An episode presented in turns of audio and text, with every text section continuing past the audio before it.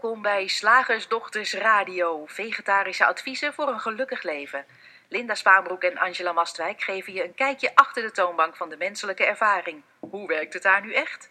Wij maken gehakt van ingewikkelde concepten en fileren met liefde ook jouw leven. Dat alles onder het motto geluk. Mag het een onsje meer zijn? Welkom luisteraars die naar de podcast luisteren en welkom kijkers die vanuit onze Makkelijk Leven community kijken naar eh, de video-opname van deze uitzending. Um, Hoi Angela. Hey Linda, welkom. Leuk dat je er ook weer bent. En we hebben vandaag een heel mooi onderwerp aangedragen door een van onze luisteraars. Willen jullie daar eens een keer je slagershoofd, slagersdochtershoofden over buigen? En dat doen we met heel veel plezier. Gaan we het vandaag hebben over jaloezie. ja. En jij spreekt het ook zo mooi uit. Jaloezie. Alsof het voor je raam hangt. Ik als, uh, als Haagse slagersdochter noem dat gewoon jaloezie. Oh, ja, waarschijnlijk op zijn Utrecht komt het er ook niet zo uit als ik het nu zeg, maar goed. Nee, wij, dit, um, we hebben zoals je van ons gewend bent, heel even, heel even nagedacht over uh, waar gaan we dan heen met die uh, jaloezie.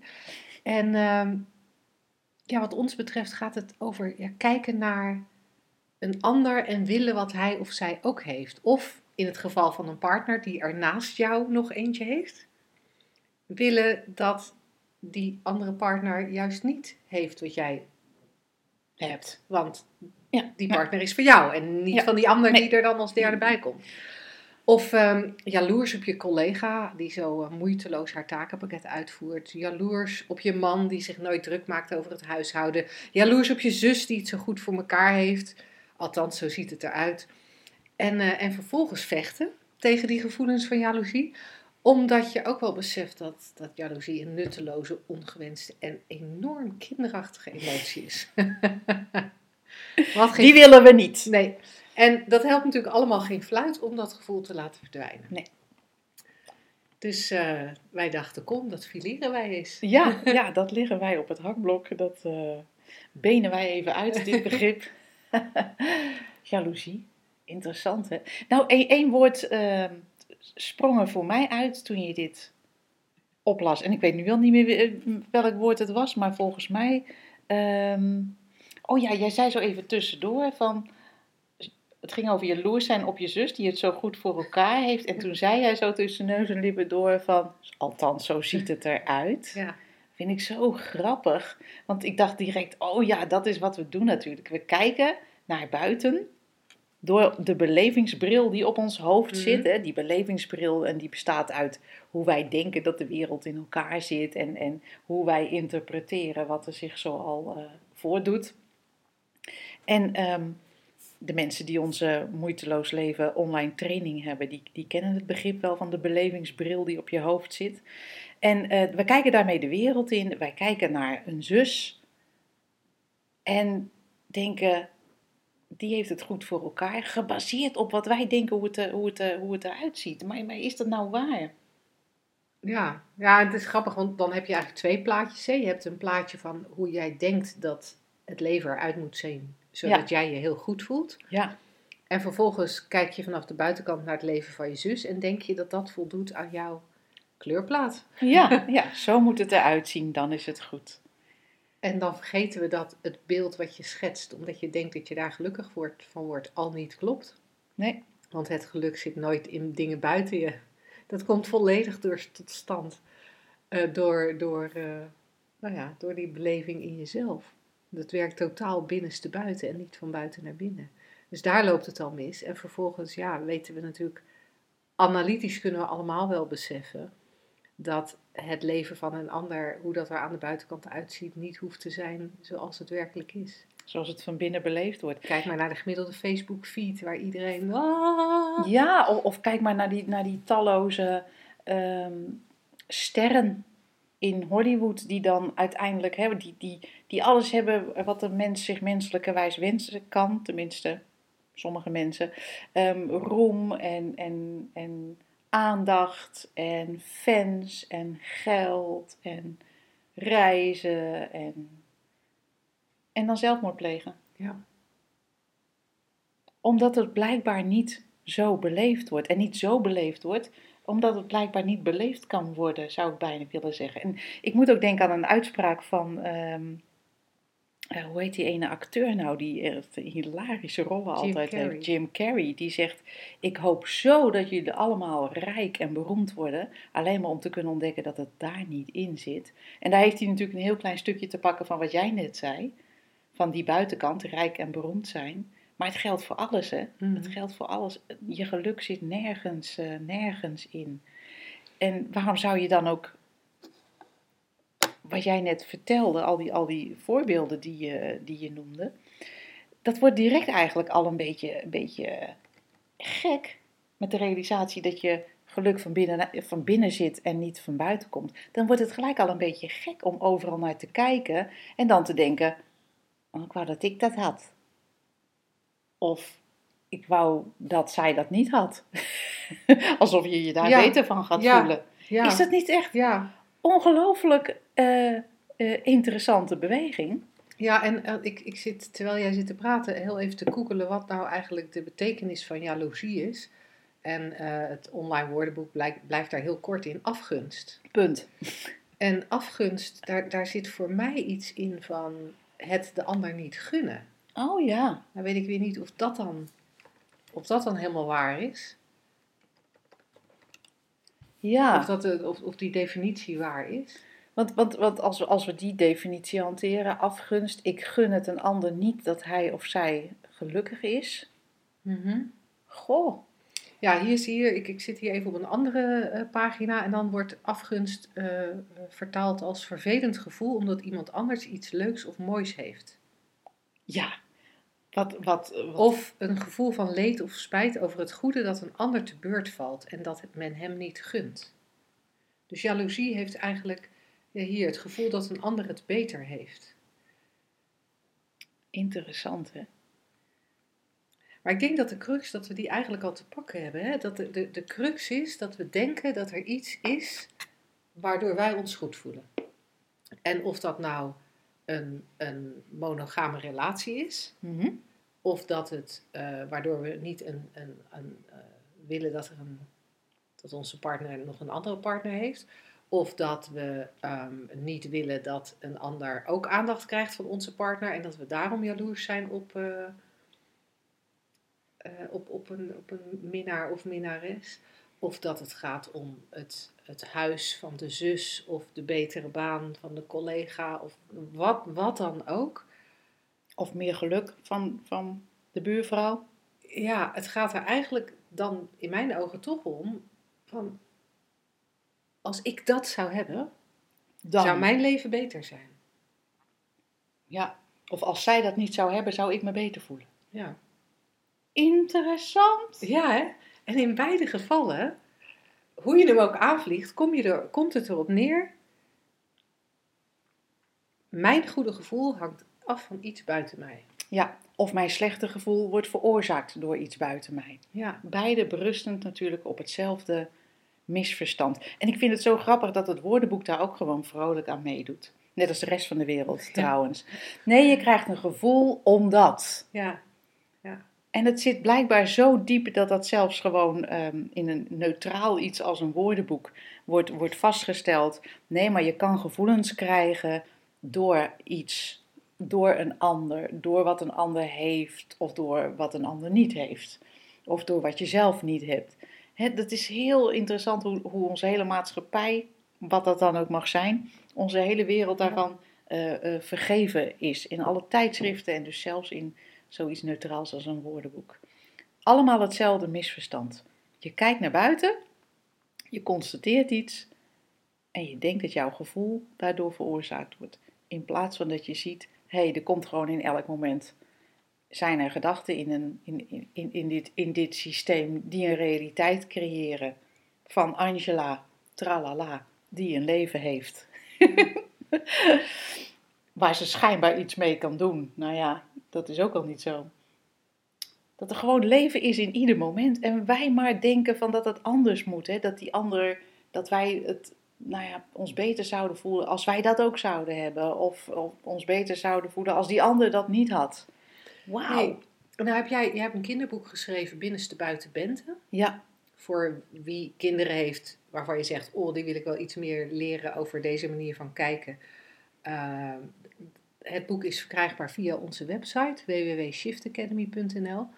Maar in Binnenste Buiten Bent heb jij natuurlijk op een hele eenvoudige manier uitgelegd dat het leven binnenste buiten werkt in Ja. plaats van buitenste binnen. Ja. Kan je dat even kort samenvatten? Ja, ik zit even te denken in, wel, in, in, eh, in welke context dat daar voorkomt. Maar de- er is inderdaad een situatie in dat boek waarin een, eh, een nieuw meisje op school het vriendinnetje van de hoofdpersoon een beetje in beslag lijkt te nemen. En ehm, de hoofdpersoon, Bente, de titel zegt het al, die, die, eh, die, die gaat steeds meer voor zichzelf zien van, oh, het werkt echt. Het is maar wat ik denk. Dat, dat, dat wordt ervaren en niet iets van buiten. En in die situatie ziet zij dan ook van, oh, maar ik heb bedacht dat dat vriendinnetje mij elke dag op moet halen zoals we afgesproken hebben. Maar dat kan natuurlijk ook anders. En, oh, maar ik heb bedacht dat eh, wij exclusief met elkaar spelen. Maar ja, dat is eigenlijk ook maar een, ehm, een idee waar we ons blijkbaar niet aan hoeven te houden. Ehm, en, en zich dat realiserend ziet ze ook ineens mogelijkheden. Oh, ik zou ook een keer met die kunnen gaan spelen. Niet als doekje voor het bloeden, maar meer omdat, omdat er in die realisatie dat alles van binnen naar buiten gecreëerd wordt, een grote vrijheid zit om ook om, eh, om, om iets nieuws te zien, om iets nieuws eh, te doen, om, om andere mogelijkheden ehm, ja, te verkennen. Ja. En, en niet steeds eh, te, in diezelfde valkuil te trappen van dat wat er zich daar buiten afspeelt, dat dat bij jou iets eh, teweeg kan eh, brengen. En er zit ook een soort situatie in dat, ehm, ja, zo, haar vriendinnetje haalt haar elke ochtend op. En ehm, op een ochtend gebeurt dat niet. En dan zie je ook hoe, hoe we als mensen gewend zijn ehm, om, om van alles een heel verhaal te maken in ons hoofd. Dus een heel verhaal van, oh, zie je wel, en nu, ze wil me niet meer als vriendin, en, en wat stom, en we hadden toch afgesproken, waar, waarmee er een hele, ja, heel naar gevoel natuurlijk ontstaat. En dan blijkt later op school dat het heel, compleet anders zat, dus dat dat verhaal in eerste instantie ook al niet klopt. Maar hoe we dan ook eh, overal invulling eh, aangeven, ook van de beleving van de ander. En dat zit natuurlijk in het verhaal wat jij net eh, vertelde, in, in jouw begin ook. ehm, dat we gaan invullen hoe de ander zich voelt in die situatie. Terwijl die situatie helemaal niets te maken heeft met hoe die ander zich voelt. Het heeft alleen te maken met wat er op dat moment aan gedachten speelt. Jeetje. Ja, dan ben je met jaloezie eigenlijk vrij snel klaar. Hè? Ja, Zullen we dan maar overgaan naar de vragen? ja we hebben volgens mij best veel vragen. Ja, want de regel, Ja. de, regel, de regel dat dit eerste item een kwartier moet duren, hebben wij Hebben ook, ook zelf bedacht. compleet verzonnen. Zeg, slagersdochters, hoe pak ik die vegaburger? Over naar de luisteraarsvraag. Nou, we hebben twee eh, vragen van eh, Astrid. En ehm, we gaan gaan even kijken of we dat binnen de tijd redden. Anders doen we er één en doen we die andere op een ander moment. Eh, als jij als luisteraar ook vragen hebt, dan ontvangen we die heel graag van je via vragen.slagersdochters.nl. Kijk, vinden we leuk. En ehm, Astrid schrijft: eh, Mijn voortschrijdend inzicht in de drie principes heeft me al veel goeds gebracht. Meer rust en vrijheid. En ook merk ik dat ik de laatste tijd veel spontaner reageer. Waarvoor mijn dank. Nu twee kleine vragen. Die ik bijna beschamend stel nu ik al veel relaxter op deze wereld rondhuppel. Steeds vaker, maar vooral eerder, besef ik dat het niet de omstandigheden of andere mensen zijn, maar mijn gedachten die mijn gevoel en daaruit voortvloeiend handelen bepalen. Maar hoe, hoe zit het met angsten die door eerdere ervaringen als het ware in je cellen zijn gaan zitten? Waarschijnlijk is dat laatste ook een bedacht concept, maar hier helpt het inzicht in de drie prin- principes me nog niet. Laat ik een voorbeeld geven. Ik heb vliegangst. Als ik alleen al op de snelweg langs Schiphol rijd, worden mijn handen klam. Ook op het moment dat ik niet eens hoef te vliegen. Dan bedenk ik weer dat het alleen maar gedachten zijn. Dat ik bovendien Schiphol gewoon voorbij mag rijden. Maar ik zit nog steeds zweterig en met een knoop in mijn maag achter het stuur. Laat staan als ik echt moet vliegen. Ook zijn er andere omstandigheden waarbij mijn lijf het over lijkt te nemen, terwijl ik weet dat er een gedachte aan ten grondslag ligt. Ik ben met sommige andere dingen weer heel stoer hoor. Dit even voor de beeldvorming, haha. Mijn vraag: Hoe kunnen mijn nieuw verworven inzichten me op dit soort momenten helpen? Zou een dieper inzicht en het meer verankeren van de drie P's gaan helpen? Of zeggen jullie, laat maar gewoon door je heen gaan die angst, het is maar tijdelijk? Wat een coole vraag. Dat Ja. is nog maar e- de eerste vraag. Dat is alleen de eerste vraag. Ja. Laten we daar even mee beginnen. Ja, Nou, het antwoord is, is, is tweeledig. Hè? Je, je zegt het zelf al, zou dieper inzicht me helpen? Of zeggen jullie, laat maar gewoon door je heen gaan? Ehm, allebei een beetje. ja, Eh, ja, Ja. ja. ja, ja, dieper inzicht helpt. En, eh, ja, en tegelijkertijd zit er ook iets. eh, nee, laat ik, laat ik daar heel even iets, iets langer op doorgaan. Dieper inzicht helpt. Ehm, dat merken wij zelf ook. Hè. Wij, wij, wij kijken natuurlijk al langer in deze richting. We hebben elke week zo'n gesprek voor de radioshow. We praten met onze klanten hierover. Eh, we hebben trainingen gevolgd, eh, met gesprekken met mentoren, you name it. En, en ja, met, met, met elk nieuw inzicht dat je krijgt, er is altijd wel weer een, een laagje wat je nog niet bij jezelf zag of wat je nog niet ziet van het systeem. Eh, en met elk nieuw inzicht wordt het leven een klein beetje makkelijker. Ehm, en dat is cool. Ja. Dat is echt cool. Er komen steeds nieuwe niveaus van moeiteloosheid. En, en dat is natuurlijk ook waarom Ja. wij enthousiast zijn voor het werk wat we doen. Waarom het voor onszelf ook leuk blijft om het te doen. Ja. Ehm, en het is ook de reden waarom we bijvoorbeeld zo'n driedaagse als eh, binnenkort eh, aanbieden. Omdat een, een driedaagse, en die heet toevallig ook dieper inzicht. Voor zover er, toeval, eh, van toeval sprake is. Maar de driedaagse dieper inzicht, die is ook, eh, ja, daar dat, is daar ook voor. Omdat je dan in drie dagen tijd echt zo de gelegenheid krijgt om, om, om echt in dat inzicht te zakken. En, eh, en nog veel meer effect op je leven eh, te ervaren dan je nu al hebt door het luisteren naar de podcast. Ja, het is grappig hoe dat werkt, hè? want ehm, waar ik aan moest denken, di- dit gaat specifiek over vliegangst, daar gaan we het natuurlijk ook nog even specifiek over hebben. Maar ik merk ook steeds meer dat ik, ehm, ik wist niet eens dat ik bang was totdat ik het niet, totdat ik de vrijheid, ja, totdat ik het niet meer was. Dat ik dacht van, oh, ik wist helemaal niet dat je, dat je zo vrij eh, door het leven kon bewegen. En, en dat houdt niet op, hè? want het is niet zo van, oh, Angela heeft nu alles gezien. Echt totaal niet. Maar ehm, het is heel interessant om te zien dat, je, dat er al, als bijverschijnsel van inzicht angsten wegvallen. Nou ja, vliegangst weet, eh, weet Astrid blijkbaar dat ze hem heeft. Maar zelfs die je niet eens wist dat je ze had.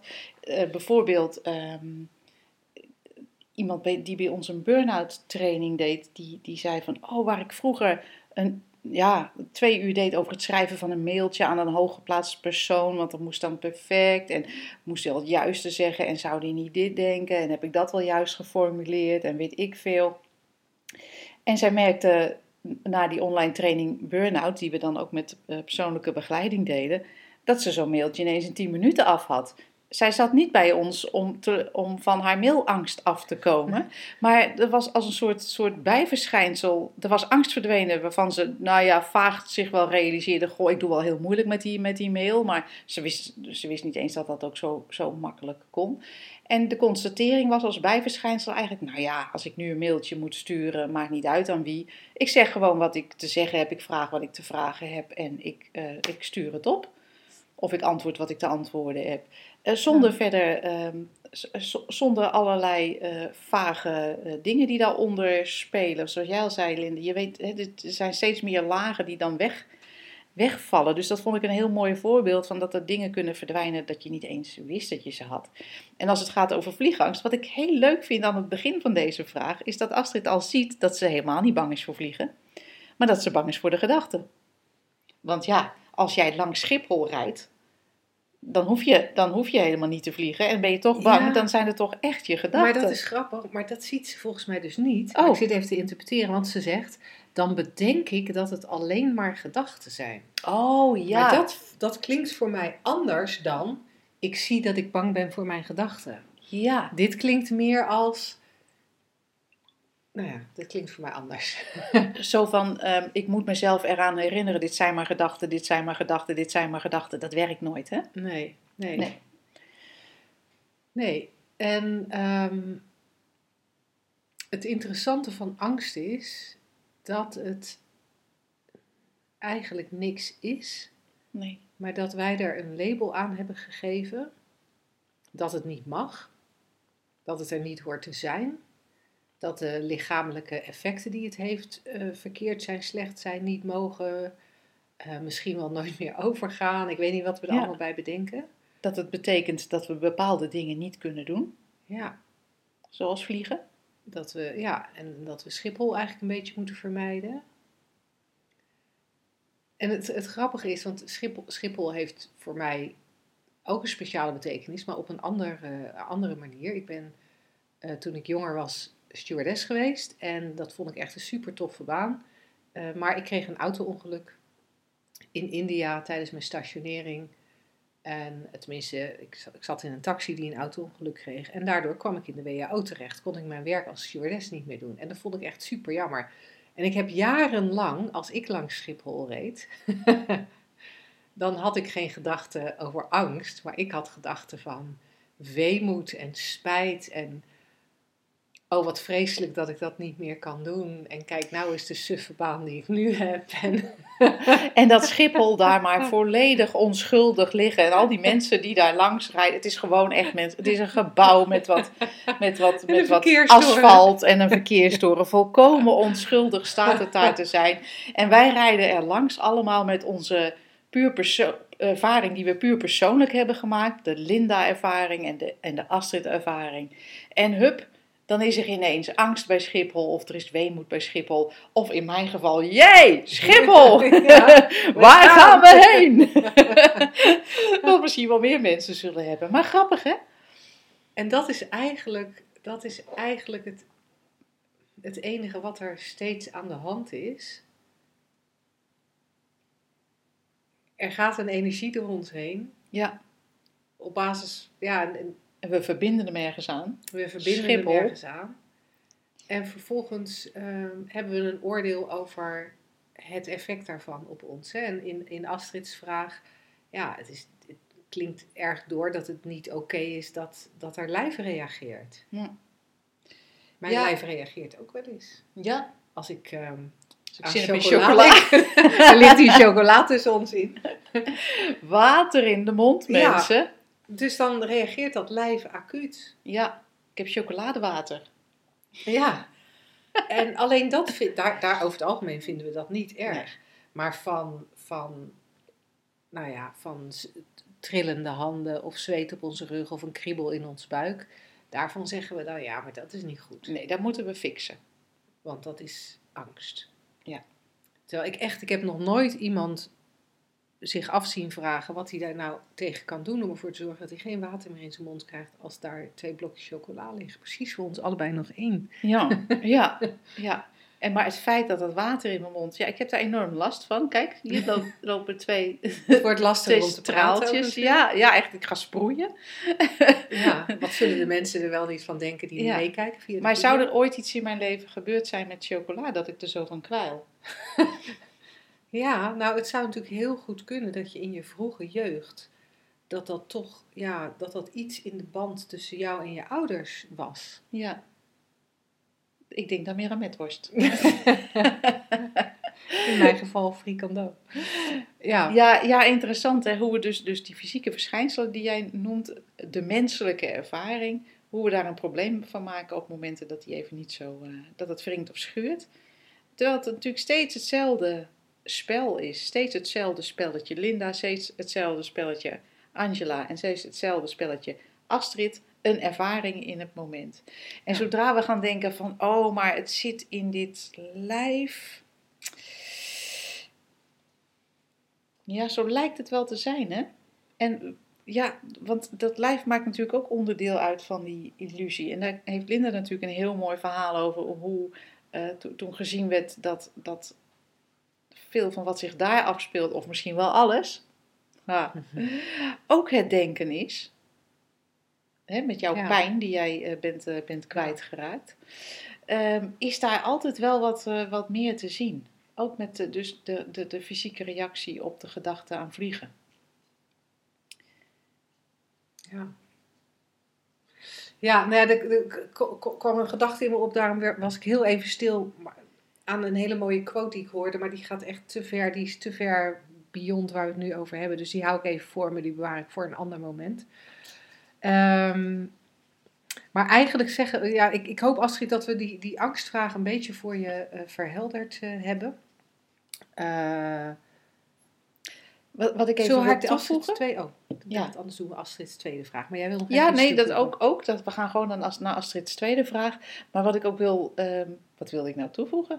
Oh ja, dat er geen uitzondering is van is dit, ehm, ehm, is dit nou ook denken of niet? De hele wereld bestaat uit denken, inclusief wij. Dus er is geen uitzondering. Vrolijk over naar de tweede vraag. Tweede vraag. Er lijkt, naast het vele goeds dat gekomen is, een stukje magie uit mijn leven verdwenen te zijn. Waar ik eerder diep geraakt was door mensen of omstandigheden, is een soort vervlakking ingetreden. Al snel denk ik nu, ach, het zijn mijn gedachten, bewustzijn, maar die hier betekenis aan geven.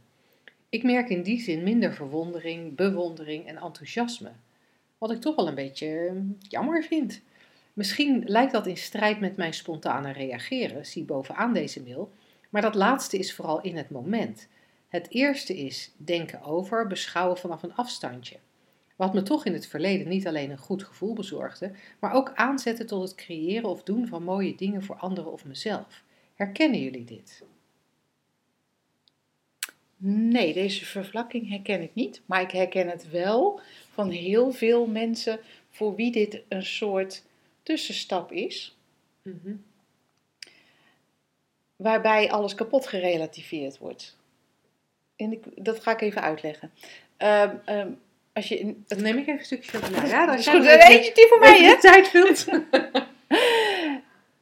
Als, als je in eerste instantie gaat ontdekken, en dat is vaak met, met hele kleine dingen op je werk of met je kinderen of in je relatie, van, oh maar wacht even. Het is dat, dat die hele belevenis van mij, dat zijn gewoon gedachten. Oh. Dan, dan kan er heel veel denken wegvallen, of je gaat het herkennen als denken, waardoor het niet meer zo serieus en persoonlijk is. En dat lijkt een mooie beweging, en dat is het ook naar, naar ontspanning en naar eh, richting de heelheid die je van binnen altijd al, al, al bent. En, eh, en, en, en richting ook verbinding met anderen, ziend dat iedereen datzelfde doet en iedereen datzelfde eh, systeem ervaart, daaraan onderhevig is.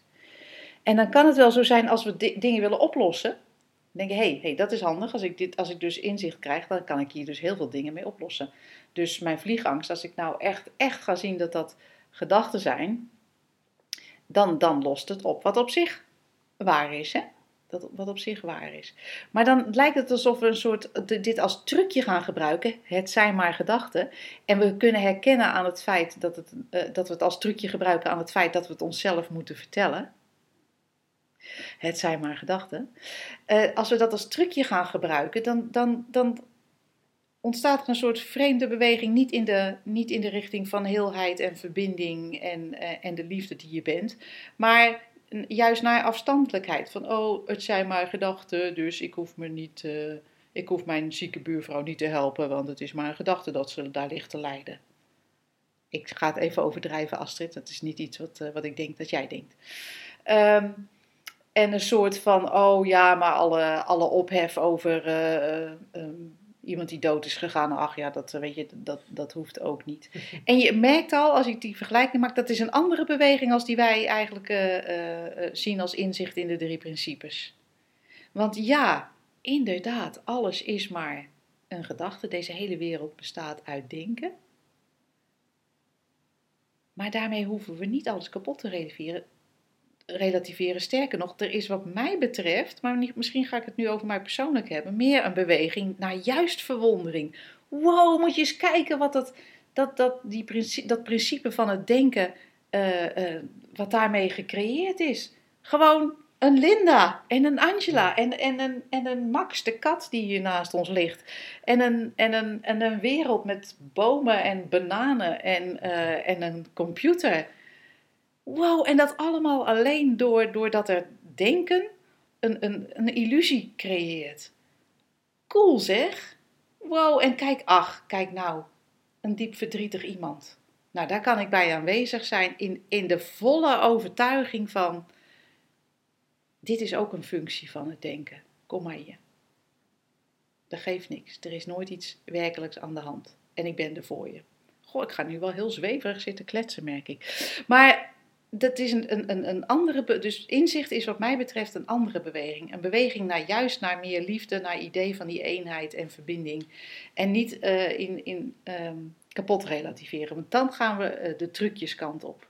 En dat hoeft niet. Ik had. ehm, eh, we hebben een, een, een klant in een, een programma en die, en die zei van. Dat zij daar in het begin bang voor was. Van ja, maar als ik dit echt snap. Ze was er echt heel bang voor. Als ik dit echt snap wat jullie zeggen. Ja, maar dan, dan moet ik dus, nou ja, dan maakt mijn bedrijf me niet meer uit, dus daar hou ik dan mee op. Dan maakt mijn relatie, ja, dat is maar een gedachte, dus dan ga ik van die man af of niet. Of ik, of ik eh, nou ja, weet je, eh, liefde is ook maar een idee, dan wordt dat een beetje vlakker. En v- en met mijn kinderen weet ik dan ook niet. Ik vind het een beetje eng als ik dit allemaal zou gaan doorzien. En we zijn nu een tijdje verder. En ik vind het heel mooi om te horen dat, dat zij ook zegt, wat wij ook ervaren, van nee, maar er, er verdwijnt echt niks. Er verdwijnt geen enkele emotie. Sterker nog, er is vaker, wat mij betreft, ontroering, maar vanuit, vanuit liefde. Dat je naar die ander kijkt en denkt, wauw, jij bent echt dezelfde als ik. Je hebt alleen een ander gedachtepatroontje op dit moment, maakt niet uit. Jij doet net alsof je Linda bent en ik ben Angela. Maar wauw, wat een, wat een prachtig systeem. En ehm, ik bedoel, ik zeg ook wel eens, dat is echt waar, dat ik bij, bij Masterchef kan ik huilen als iemand zijn aardappel niet gaar is, omdat, waardoor die naar huis moet. Dan ga ik niet, je gaat niet zitten kijken van, ehm, oh, dat is maar een gedachte. God, wat een aansteller. Nou, dat is maar een gedachte. Zo zit je namelijk ook niet naar een mooie film te kijken. Want dan zou Nee, die dat- film echt, ja. echt geen, er zou er geen fuck meer aan zijn. En, en, dat, en dat lijkt haast wel alsof dat bij Astrid een beetje aan de hand is. Dat er, er is een verschil tussen inzicht en een commentaarstem die jou de hele tijd vertelt hoe het eigenlijk is. Inzicht, dat, je doorziet iets op enig moment en daarna ga je door met het leven. Maar is het, het inzicht onderdeel van hoe je in het leven staat?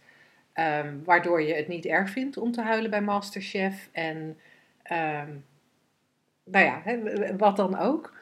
En, en waardoor, je, wa- waardoor je innig gelukkig kan zijn. ehm, omdat je, zoals ik van de zomer, een prachtige bergtop eh, in, Ja. in Noorwegen ziet. Of, of je hondje ineens zwemt, wat hij nooit eerder had gedaan, weet ik veel. En dan klinkt het weer alsof ik, alsof ik gelukkig word door die bergtop. Maar Nee, ja. dat, je, dat, dat, dat is natuurlijk ook niet zo, maar dat je, dat, dat je daar met verwondering naar kan kijken of met plezier naar kan kijken, wat het dan ook is. Ja.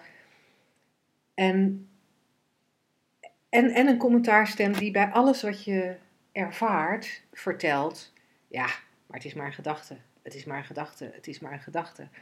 En als ik naar Astrid's, eh, als ik Astrid's vraag heel erg goed probeer te interpreteren, maar het blijft interpretatie, is dat je aan de ene kant aangeeft, ja, in het moment reageer ik spontaner. Mm. Maar als ik aan het nadenken ben over dingen of van een afstandje dingen beschouw, dan merk ik dat ik, ehm, nou ja, dat je daar dan blijkbaar vlakker in reageert dan, eh, dan voorheen. En dan klinkt het voor mij een beetje alsof het je niet meer lukt om heel erg te geloven in een fantasie die je op, enig moment probeert op te roepen. Want voor mij klinkt het een beetje van ja, dan was ik, was ik aan, het, aan het beschouwen en dan kon ik enthousiast raken. Dus dan was je blijkbaar een van. Stel ik me zo voor dat je op de bank zat en dat je aan het nadenken was over iets, een fantasie creëerde over iets. En dat je door je eigen zelfbedachte verhaal enthousiast raakte en dan daardoor iets ging doen. En het is grappig dat jij dan eh, vanuit de bank, eh, vanaf de bank iets bedacht waardoor je enthousiast raakte. Heel veel mensen zitten op de bank en, en creëren een fantasie waardoor ze zo depressief als een deur worden. Dan heb je ook een probleem. Eh, maar het, het, het, het, het effect is volgens mij allebei hetzelfde. Je, je verzint iets wat niets te maken heeft met het moment. Ja. Echt helemaal niets met het moment.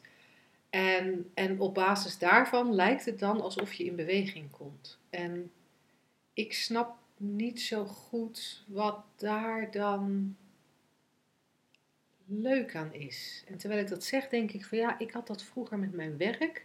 Ik kon dan gaan zitten bedenken wat er allemaal moest gebeuren om ervoor te zorgen dat ik genoeg klanten had Mhm. en genoeg omzet, zodat ik rijk genoeg was om reizen te maken. En daar kon ik inderdaad dan heel enthousiast over raken. Het was niet een ontspannen enthousiasme, het was altijd een strevend enthousiasme, maar veel, veel gedrevenheid. Mhm. eh, gedrevenheid. En ik zeg wel eens van toen deed ik aan streven, nu doe ik aan leven. Maar dat voelde in het moment, dat voelde dan wel als, het voelde als enthousiasme. Het was eigenlijk met angst ge- geladen, maar het voelde als enthousiasme. En op basis daarvan kwam ik in beweging. Maar was er tijdens die beweging voortdurend die ondertoon van onrust, angst, streven. Want er hing iets van af. Nu dat weggevallen is,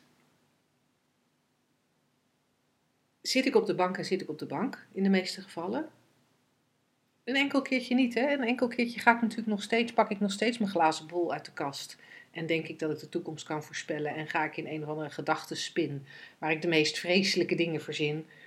Ehm, en, en, eh, en, en mezelf diep verdrietig denk. Eh, maar op de meeste momenten zit ik op de bank en zit ik op de bank. En, en ben ik een boek aan het lezen, of zit ik tv te kijken, of zit ik met een vriendin te praten, of zit ik op mijn telefoon te kijken. En is er daarna een ander moment waarin ik opsta en, en iets ga doen. Ja, Met enthousiasme en, en spontaan. en dat kan ook de buurvrouw helpen zijn. En dat kan ook de buurvrouw Of een helpen zijn. mooi, eh, weet ik veel, ehm, ja, een mooi ding, zoals Astrid dat noemt. Maar ik vind het ook wel heel cool dat jij dat onderscheid eh, las van, Astrid zegt van ik ben, ben spontaner geworden. En dan lijkt het eh, als, alsof dat in het moment reageren, alsof dat niet het enige is wat er is. En ik denk dat jij dat onderscheid nu heel mooi eh, aangeeft. Dat was in ieder geval mijn bedoeling. Ja, Nou, cool. Astrid, ik hoop dat we je zo ehm, eh, wat verder geholpen hebben. En, en daarnaast ben je natuurlijk onwijs welkom om eh, je in te schrijven voor de driedaagse. Want we vinden niks leuker dan drie dagen met mensen ehm, over dit paradigma praten. En je helpen om meer en meer te zien. En, eh, ja, en meer niveaus van gemak en ontspanning en plezier in je leven ehm, te ervaren. dan gaan wij gewoon naadloos over naar het laatste stukje. Woensdag, gehaktdag. Zeg slagersdochters, welk concept gaat er vandaag door de molen? Nou, dit is er eentje die wij eh, heel vaak horen in de meer spirituele kringen. En hij wordt ook heel vaak als tip gegeven, Ja. omdat dit ervoor zou helpen dat je leven echt beter wordt. Dus dit is echt, echt de truc om ervoor te zorgen dat het leven gaat lopen zoals je dat graag wil. Ja. En dat is, je moet wel dankbaar zijn voor wat je hebt. Want dan krijg je er meer van. Ja, dan krijg je er meer van. En dan ga je je beter voelen. Ja, want dankbaarheid is een ding. Ehm, ja, je moet wel dankbaar zijn voor wat je hebt. Ik vind het een beetje, het is heel grappig, want het is niet anders dan alle andere concepten die wij vermalen. Het, het impliceert dat, dat, eh, dat je iets kan hebben wat jou beter eh, laat voelen. Ja, ja want ik heb, ik heb dus nu een nieuwe laptop. Nou, ik heb hem alweer een tijdje. Ja. Maar jij hebt nog de oude. Ik heb de oude. En eh, ja, ik ben dus echt, eh, nou ja, ik ben dus heel dankbaar dat ik een nieuwe heb en jij niet. Nou, ik ga dus heel Nou ja, dankbaar dat- zitten zijn, heel dankbaar zitten zijn voor deze oude, want misschien krijg ik dan ook wel een nieuwe. of hij blijft het, lang, hij blijft het langer Ja. doen. Hij doet het al heel lang. En misschien blijft hij het dan ook langer Ja, doen. Ik ben dankbaar voor je laptop. Echt dankbaar, dankbaar. Ja. Diep dankbaar. En, en dat impliceert ook dat, dat, eh, dat deze laptop bijdraagt aan mijn welzijn. Ja. En, en dat mijn... eh, Dat is een beetje het thema van deze uitzending. ja, dat er iets in de buitenwereld is dat bijdraagt aan mijn welzijn. En dat je daar dus eerst en dat je daar dankbaar voor moet zijn, dat je dat wel moet realiseren, want anders is het ook niet, eh, niet goed. Interessant hè? En eigenlijk is het een soort dit is weer een van die opdrachten die eigenlijk. Hallo, Poes? Die eigenlijk ehm, jou vertellen hoe, het, hoe je moet leven. Terwijl wat er bereikt wil worden, heb je al. Ja, dat is ook een mooie. Ja. Ja. Ja, want wat er bereikt wil worden is, is, is altijd een gevoel van oké zijn. Ja. En voor mijn part noem je dat dankbaar zijn. Maar voor iets, dan zit er een stap de illusie in. Ja. En er zit, er zit voor mij nog een ander interessant laagje in dat dankbaar zijn. Want ergens snap ik hem ook wel. Ja. Want ik kan natuurlijk lopen zeiken over het feit dat deze laptop af en toe vastslaat. En, en mij vooral, mijn, mijn gedachten vooral richten op alles wat er mis is. En omdat dat wat we denken nou eenmaal effect heeft op hoe we ons voelen. het enige is wat effect heeft op hoe we ons voelen. Zijn negatieve gedachten zullen ook sneller een negatief gevoel oproepen. Dus ik snap ergens die boodschap ook wel weer. Omdat we met z'n allen ook altijd zo op zoek zijn naar dat goede gevoel. Ja. Niet wetende dat het altijd al in ons zit. Precies. Denken we dat we iets moeten doen om het te bereiken. Of Ja. iets moeten laten om het te bereiken. Eh, schrikken we ook van niet een goed gevoel hebben. Daar hebben we het natuurlijk net ook al over gehad bij de vraag van Astrid. Dus dan gaan we alleen maar harder werken om te zorgen dat we dat goede gevoel hebben. Mhm. En grijpen we alles aan wat daar aan, aan, aan bij lijkt te dragen. En waar we dan in mijn ogen volkomen aan voorbij gaan, is de, de voortdurende doorstroming van gedachten en daarmee gevoelens. Ja. We zijn zo in staat. En nu raak ik opgewonden. Bij de Ja, vorige uitzending nee. had jij zo'n onderwerp waar, waar jij Ga los, Linda. maar we hebben zo het gevoel dat hoe het, hoe het in één moment is, dat dat altijd zo blijft. En we zijn ook zo goed in als, als er iets voorbij komt wat ons favoriete onderwerp is. En dat kan vliegangst zijn, maar dat kan zijn de staat van je relatie. Het kan zijn de stress op je werk. Het kan zijn het feit dat je denkt dat je een angststoornis hebt of het feit dat je eh, depressief bent. Wat het ook is wat je hebt genomen als je favoriete onderwerp. De anorexia van je kind, de, de, de, de school van je kind, de relatie met je ouders. Wat jouw favoriete onderwerp ook is. We pakken dat beet en, en, en dat houden we als het ware voor ons gezicht. Alsof we een bord voor ons kop hebben. Letterlijk. Letterlijk. En we zien alleen nog maar dat ene ding. En we, hebben, we gaan volledig voorbij aan het feit dat als we dat niet beet zouden pakken. Ja, dan komt, om even depressiviteit te pakken, ja, dan komen er depressieve gedachten. Ja, en, en, en er, er, er komen sombere gedachten. En die worden door je bewustzijn geanimeerd, waardoor er een somber gevoel opkomt. En zou je dat laten gaan, dan drijft het voorbij zoals de wolken voorbij drijven. Ja. En weet je, we zitten nu op, een, op, een, eh, op te nemen op een dag dat eh, er schijnt een bleek zonnetje, er zijn vrij veel wolken, maar, maar, maar toch is het wel een fijne, een, een- ervaren we dit als fijn weer, omdat het zonnetje er wel een beetje doorheen eh, schijnt. En, en bij, bij het weer en bij wolken nemen we dat gewoon voor wat het is. We kunnen hooguit denken, goh wat jammer dat er toch een beetje bewolking is op deze zonnige dag. Of we denken, nou, wel lekker dat het eh, zo in oktober eh, eh, toch nog zonnig is. Maar we zijn er zeker van dat de, de hoeveelheid wolken die er nu is, dat we weten gewoon dat dat, dat wisselt. Ja, varieert enorm. Dat varieert enorm en nou, we kunnen er eens een gedachte over hebben. Goh, er zijn veel wolken of goh, er zijn weinig wolken. Maar daar houdt het verder mee op. Terwijl wat er gebeurt met onze, met onze gedachten en onze gevoelens is precies hetzelfde. De ene dag is het onwijs bewolkt. Zijn er echt zijn er zoveel gevoelens en gedachten die we naar vinden. Want alleen bij, bij die gevoelens willen we vanaf. Hè? De, dagen, de dagen dat we denken, "Yay!"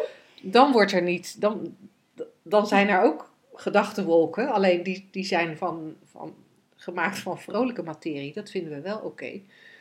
Daar mopperen we niet op. Maar als het een beetje donkere gedachtenwolken zijn, dan, dan moeten die weg en ze zijn niet weg. En wat is er mis met mij dat ik donkere gedachtenwolken heb? En, da, da, da, da. en de zon gaat nooit meer schijnen, die is voor altijd weg. Bij het weer doen we dat niet. Nee. En ik vind het zo. Daarom wind ik me daarover op. Gewoon ik omdat het vind kan het ook. zo, zo, zo zonde dat er zoveel mensen zijn die een label angststoornis krijgen, of eetstoornis, of depressie, of nou ja, you name een label. Mensen krijgen dat en we gaan met z'n allen zitten staren naar die wolk die daarmee extra vastgemaakt wordt. Naar dat bord wat extra voor je kop genageld wordt, waardoor je niks anders meer kan zien dan dat. Terwijl het enige wat er aan de hand is, er kwam energie door je heen.